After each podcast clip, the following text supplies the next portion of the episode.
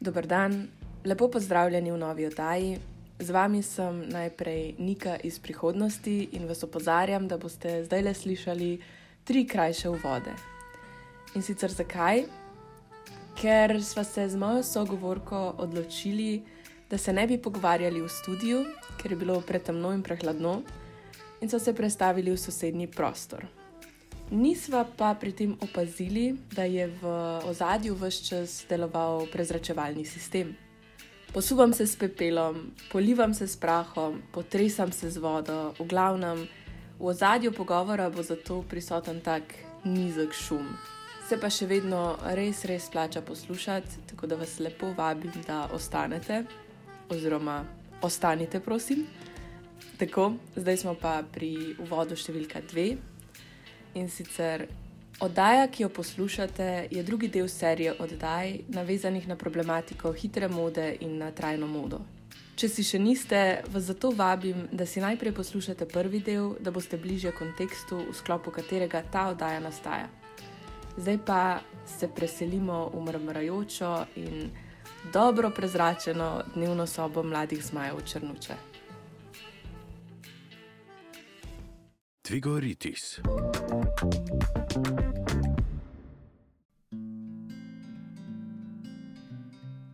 Pozdravljeni v posebni izdaji Dvigoritisa.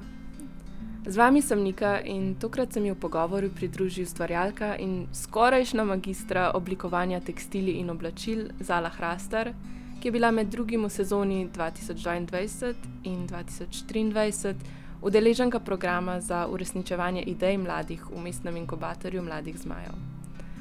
O tej izkušnji in še marsičemu drugem bova spregovorili v tej oddaji.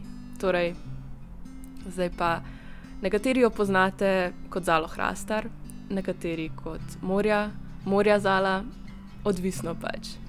Stara je 25 let, ima krajše svetlorjave lase, danes nosi oblačila, ki jih ni izdelala sama, kot mi je prej povedala, in sicer eno tako srajco nežno-rjave barve in rumeno-oranžne hlače. Drugače pa ja, je mlada ustvarjalka, ukvarja se s predelavo rabljenih oblačil in tekstilov v izdelke, prepredene z njeno ustvarjalnostjo. Torej, Zala, pozdravljena. Živijo. Predstavila sem te sicer zdaj že jaz, precej na široko, ampak zdi se mi, da se lahko tudi sama malo dopolniš, kjer se ti zdi, da kaj manjka. Tako da predstavi se, kdo je Zala iz tvojih ust. Jaz mislim, da sem čisto ena preprosta punca z dolenske, um, vedno polna energije, uh, zmeraj oblečena, opisana, oblačila, uh, vzorčasta, raznih kombinacij. Um, polna tudi različnih interesov, um, od uh, glasbe, uh, tekstili, oblačil um, do fotografije, ilustracij. Tako, karkoli mi pride na pot, me na, na nek način potegne zraven. No, zdaj me pa zanima, kako si se začela ukvarjati z tekstili, oziroma čisti začetki. Je bil kakšen moment, ko si bila samo tako, o, jaz pa bi to delala. Ja, v bistvu je že odkar sem bila majhna, sem fulrada imela barbike, oziroma ne tako barbike, kot samo neko oblačenje in ustvarjanje um, oblekic. Oziroma, na začetku je bilo to bolj neko ovijanje um, barbik v um, razne odrezke materijalov in zavezovanje z vrvicami. In tem sem enkrat neko tako zavezano obleko pokazala sestri, kako kak se ji zdi, in je bila tako pač zakvati tu ne. Uh, zašiješ pač šivanko za res in sem lahko, oh, sem res, zakaj pa res ne.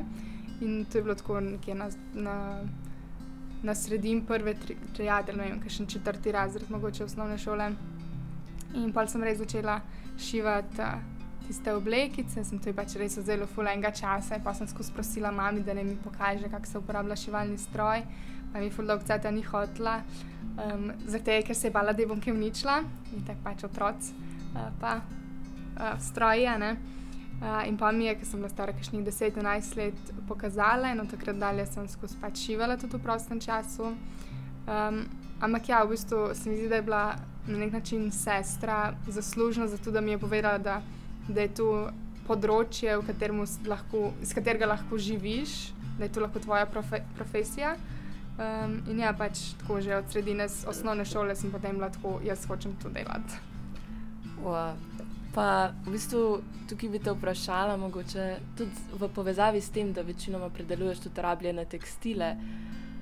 Zakaj? Kaj so tvoji razlogi? Kaj je tvoj cilj s tem, kar počneš, recimo potem, ko si nadaljevala na študiju, v bistvu mhm. tekstili?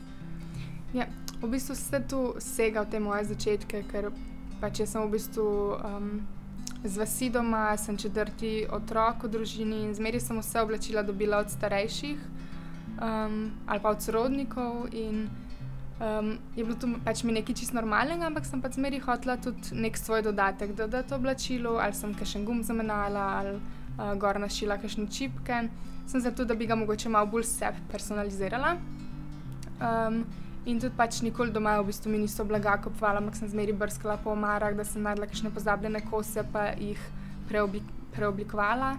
Tudi moja mama je v bistvu delala v vrtu, tako da je tudi um, iz tega mogoče malo prišlo, um, da smo imeli doma malo več kakšnih od, odrezkov, kakšnih koščkov materijala. Um, pa ja, tudi ta neka sploh prvi stik ja, s šivalnim strojem, pa da sem videla, kaj to je. Um, in Ja, to je pa z mano raslo in v bistvu moj prvi izdelek, um, to šivanje, je bila peresnica, ker v trgovini nisem našla nič, kar bi mi bilo všeč, vse je bilo razno, zelo kičasto, sem izdelala pa polno bleščic. Uh, in mi je takrat mami pomagala, da sem iz enega odrezka, um, oziroma iz vzorčnega materiala od našega kavča naredila peresnico. Um, tako čist zapenjena na gumb, zelo preprosta, sem tako dva šiva imela. Um, Pa sem pa v bistvu ful začela z džinsom ustvarjati, ker pač vsi imamo doma kavbojke, ki se raztrgajo in ponavadi pač ne veš, kaj s tistem. In jaz sem začela to zbirati, uh, sem jih tudi razni prijatelji njihove prenesli in pa sem pač tako delala za prijatelje, zmeri kašne puščice, tako da je vsak mu neko mojo darilo za rojstni dan, nek tak manjši izdelek. Um, ja, no, kot sem rekla, zmeri sem pač uporabljala to, kar sem doma najdla, kar je bilo v mojem okolišu, nekaj, kar drugi niso več videli uporabno, da sem, jaz, da sem jaz vrnila vrednost. In ja, no, potem, ko sem prišla na faks, m, mm, sem pač zmeri tako po strani zraven faksa delala te svoje stvari, ampak za faks se mi pa zdi, da sem, sem nekako imela občutek, da moram jaz iti v trgovino kupiti. Tisti material, ki je bil tam na voljo, pa zmeri si mogel nositi neke vzorčke, kazati, pa si pa skupaj s profesorjem zbraviš, če se bi delal.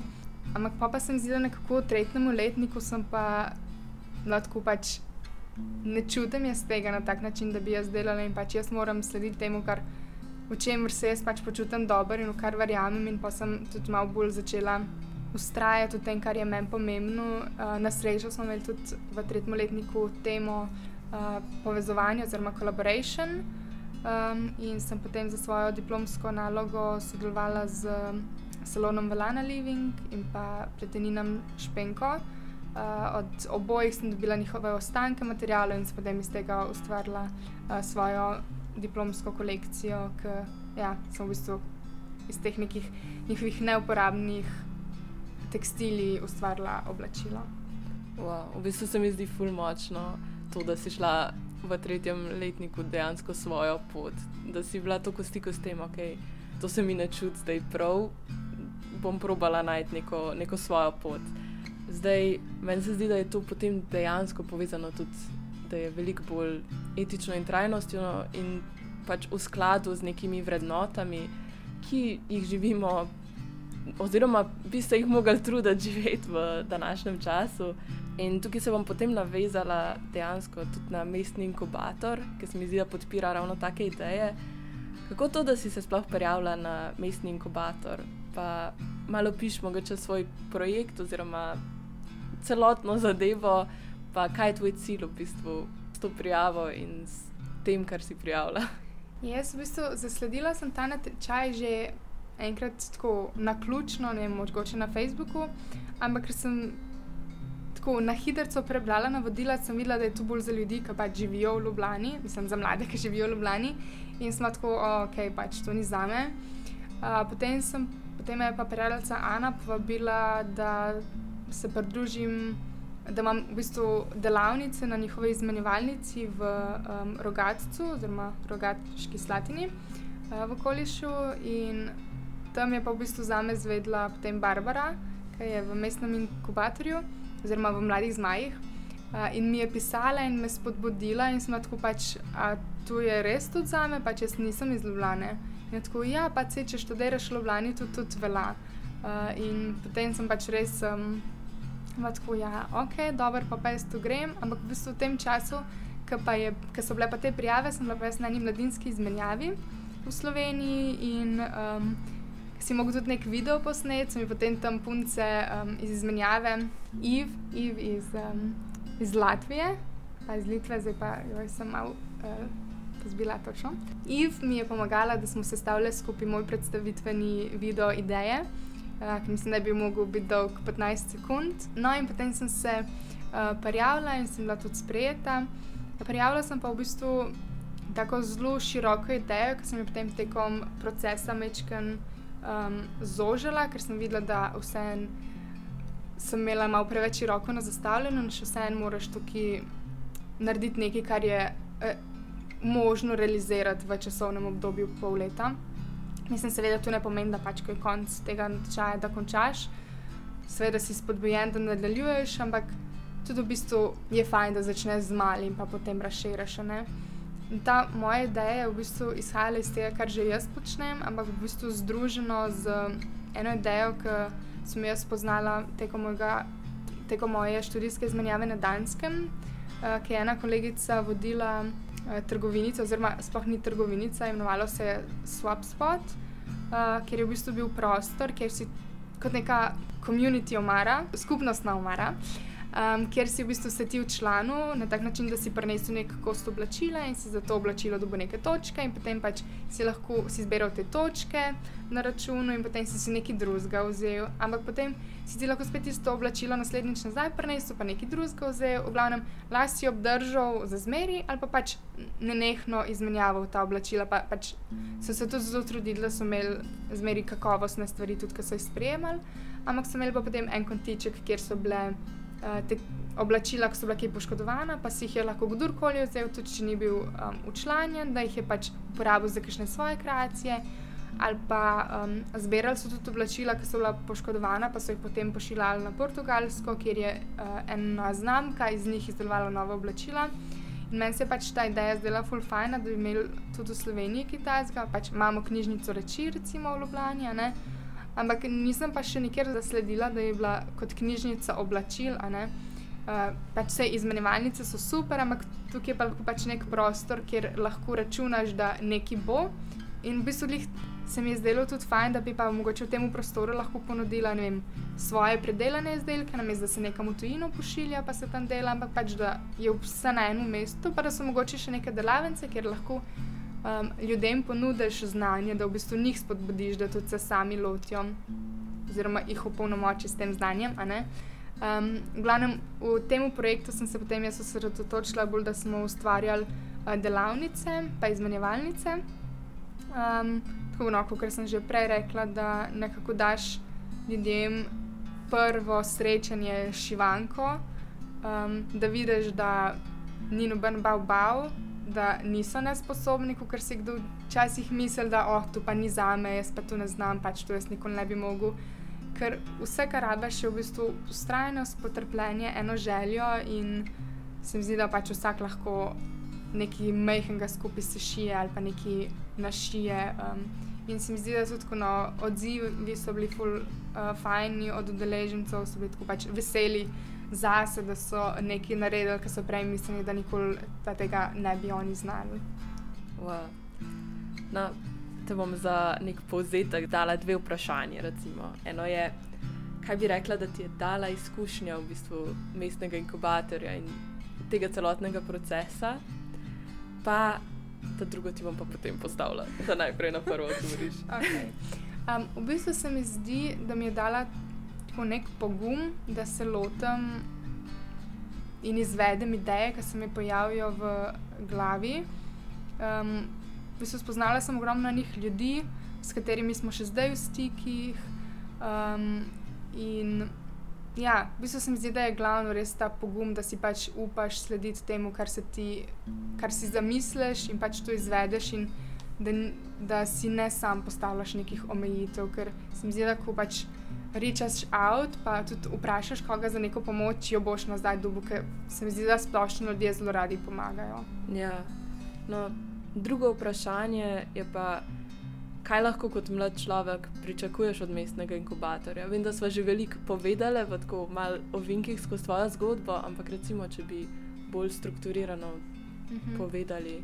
A se mi zdi, da tako prav iz začetka, predvsem to neko usmerjanje, uh, spodbujanje in pa nek fokus, kako razviti idejo, kako, kako jo predstaviti ljudem, ker se mi zdi, da je to zelo pomembno, sploh če pač pičeš svojo idejo nekim um, investitorjem, da jo pač znaš dobro predstaviti. Um, malo so nas tudi uh, izzivali, da, da so videli, kaj, uh, kaj, kakšne so naše meje, oziroma na, do, na dober način, ki pač res tako, da daš ven iz sebe, da se ne bojiš, pa ne ustrašiš. Um, pa pa ja, pač um, poleg tega, da dobiš finance, da lahko izvedeš uh, projekt, ja, pač res to spodbudo. No. Um. Ja, no, pa peva nazaj na ustvarjanje. um, zdaj, mene specifično zanima. Povedala si, kje najdeš material, zanima me zdaj, kako ga izbereš, pa koliko časa v bistvu ponavadi porabiš za kos, ki ga izdeluješ. Ja, no, jaz material dobivam različno. Um, na začetku sem začela pač iz svojih omar, potem pa tudi ljudje, ki me poznajo, so iz svojih omar mi prenašali, pa um, tudi tako neznanci, ki so videli, kaj delam, so mi pisali, da imajo vem, na podstrešju škatlo tekstila od babice, ki več ne šiva, pa bi mi z veseljem uh, prenesel, oziroma če bi jaz prevzela to. Um, tako da jaz večinoma najraje imam naravne materiale. Oziroma, težko je reči, ker se mi zdi, da je vsak material je za nekaj drugega. Recimo za oblačila najraje zbiram, da so naravni materiali, ker je tudi meni osebno veliko prijetnejše za kožo. Um, sprav, od, tkanih do pletenih. Um, potem pa za kakšne druge, ne vem, torbe, uh, tote bage, presnice um, pa tudi veliko, mislim, uporabljam poliester.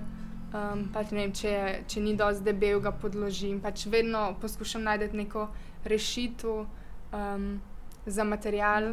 V bistvu mi je ful dobr, ker um, se mi zdi, da zmeri, ko vidim material, dobim neko idejo, kaj bi iz tega, uh, tega naredila. In tudi v bistvu je material neko vodilo, kaj, kaj potem na koncu nastane.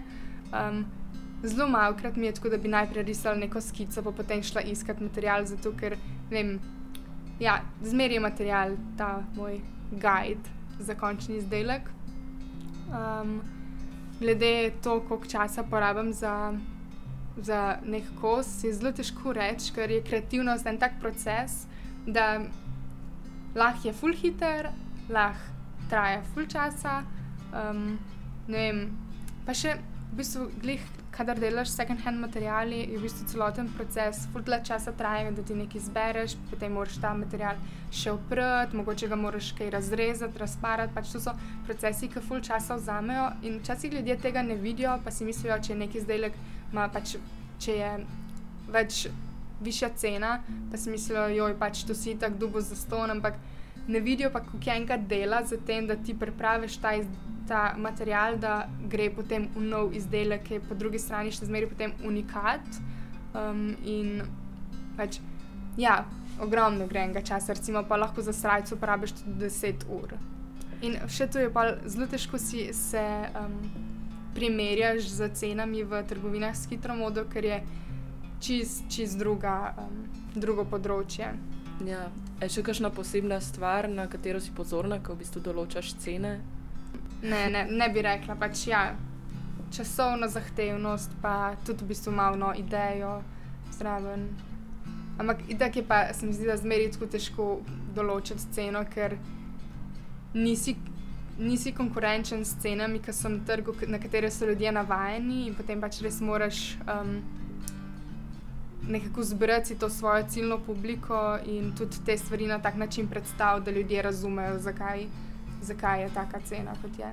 Kar si predstavljam, da je včasih tudi težko, ker recimo, če bi si kakšen študent želel privoščiti, mora res, mislim, se niso full drage cene, ampak v primerjavi se mi zdi, da nekdo, ki nima redne službe, veliko hitreje poseže pol ali samo po navadnih rabljenih oblačilih ali pa hitra moda. Mhm. Um, in moraš res priti z neko odločitvijo, u, jaz pa bi odzala izdelek. Ampak se mi zdi, da je glih tu pol ta čar, ki pa veliko bolj ceniš to oblačilo in ga, in ga tudi, ne vem, bolj z njim ravnaš, na, bolj previdno ga vem, pereš, sušiš, niti vse. In tudi ga potem mogoče še dodatno popravljaš. Če pa ti kupiš eno majčko za 5 evrov, pa si, pa si verjetno tako misliš, ah, se je bilo sem 5 evrov, nima veze, pač la grem si zdaj le še eno kupiti.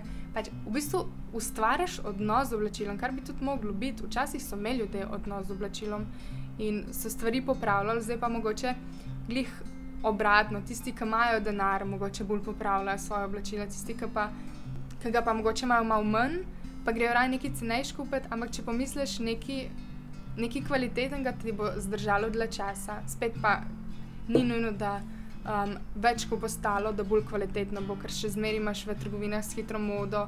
Ne vem, tiste bleščične oblekce po 80-90 evrov, pa če pogledaš, tudi niso glih kvalitetno narejene. Tako da je malo se za vprašati, pač, kaj, kaj ti je pomembno, v kaj boš vlagal.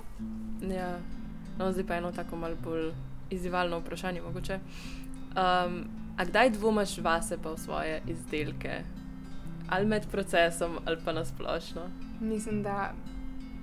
Ok, ne bom zdaj rekla za vse, ampak ja, itek, da kdaj podvomiš, imaš kakšen slab dan, dan ali pa nekaj gre v drugo smer, kot si mislil, da bo šlo, in pa na koncu narediš nekaj, kar ti sploh ni všeč, in si tako, jo, zdaj sem za to 10 ur zapravila, in zdaj mi sploh ni všeč. In ja, je tako res beden občutek, ampak pa, pa tako misliš, le, sem se pa nekaj iz tega naučila, ni konc sveta, pač gremo naprej, naslednji izdelek pa bo boljši. Ampak ja, tako se pa zmeri truden, da, da nisem preveč stroga s sabo.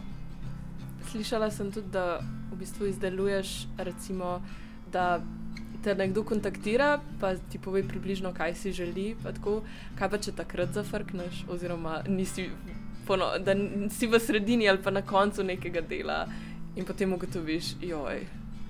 Tole mi pa ni všeč, ampak mogoče pa njim bo, ne vem.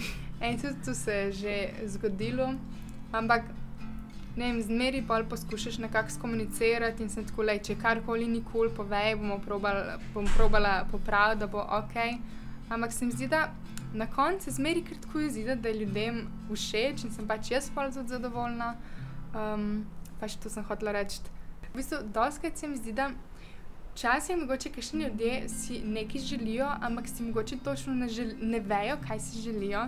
In potem, ko mi razlagajo, kaj si želijo, tudi jaz točno ne vem, kaj si želijo. In takrat se mi zdi, da je najtežje, ker potem ne veš, kaj bo na koncu ven prišlo. Tako da naj, najbolj fajn mi je v bistvu, kadar mi povejo ljudje vem, njihove najljubše barve, vzorce in pokažem jaz material in potem mi rečejo, da nekaj približno takega si želim, ampak zdaj ti pa pustim proste roke, da narediš v, tako, ker ti misliš, da bo ok, pa že ti dajo to neko zaupanje, potem se mi zdi, da ja, imaš čist nek drugačen pristop do tega, te ni strah, joka pa zdaj, če ne bo točno tako, kot so si zaželeli, zaradi tega, ker itak uno, kar boš naredil, in bo po vsej verjetnosti všeč. Ampak tako, kot sem prej rekla, če pa ni karkoli ok, pa še zmeri pač pravimo.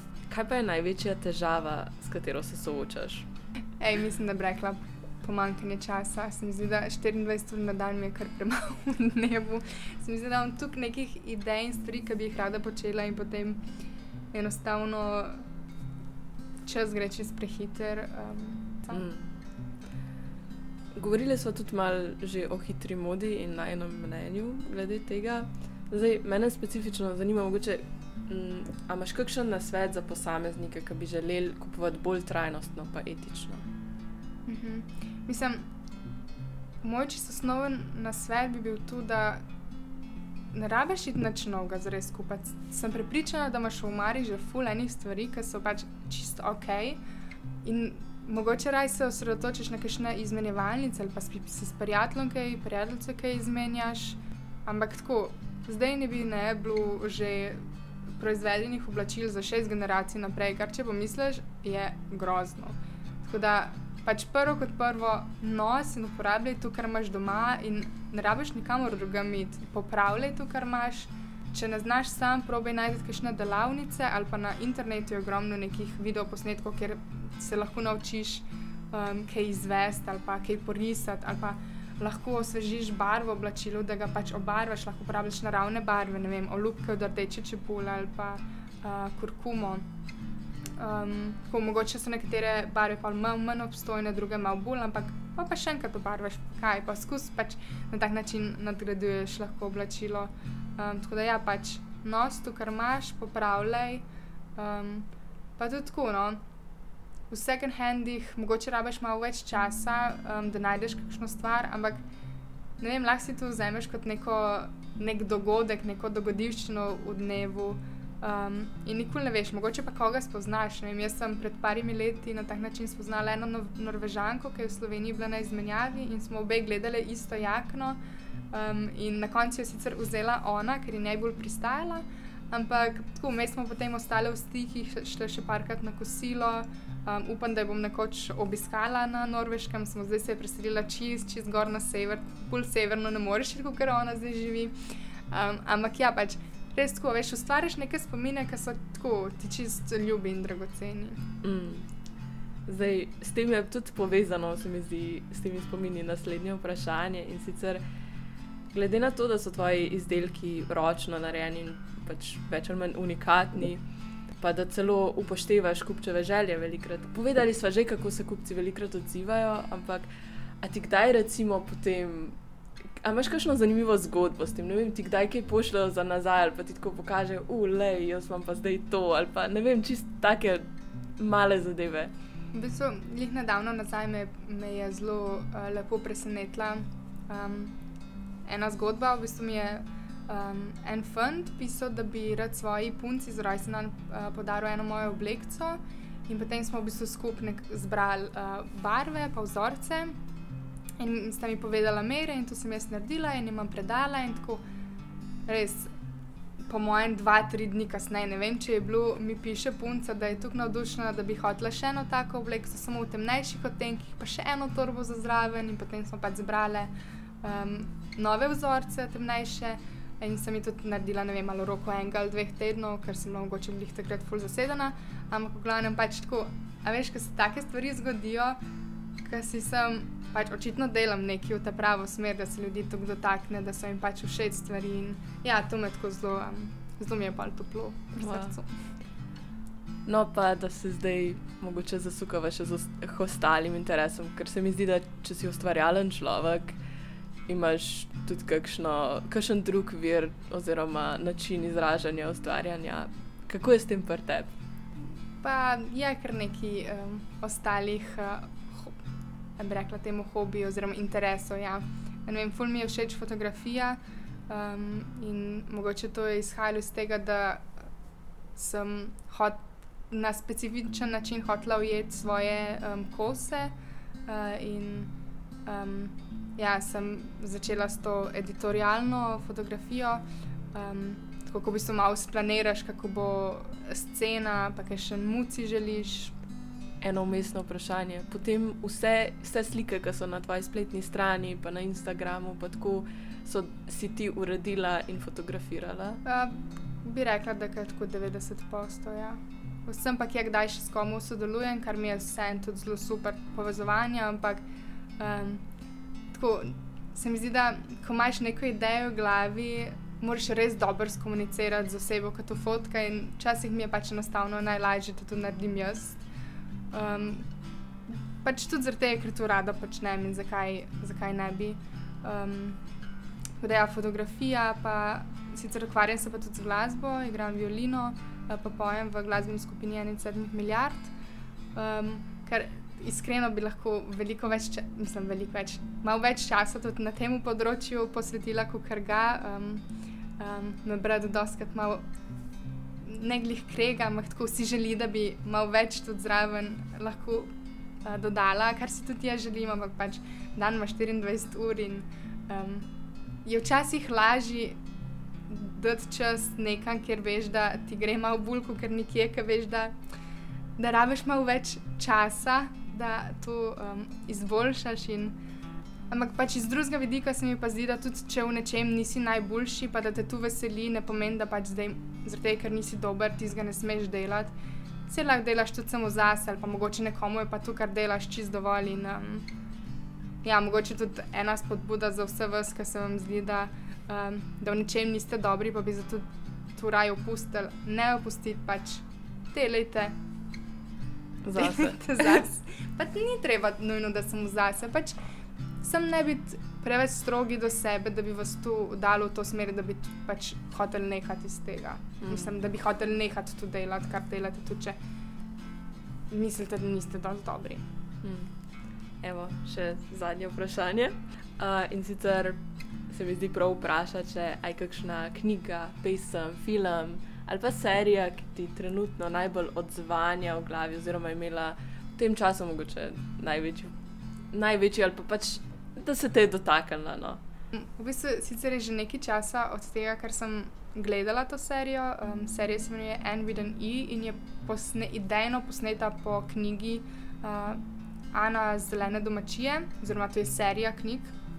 Um, no, ta serija, um, ta Netflixova serija Anne with an E je večkrat prirejena, ampak se mi zdi, da je zelo taka, kako bi rekla, heartwarming serija, ki ti spodbudi vse neka čustva. Pač v istem trenutku se jokaš in smeješ, vsaj jaz sem se.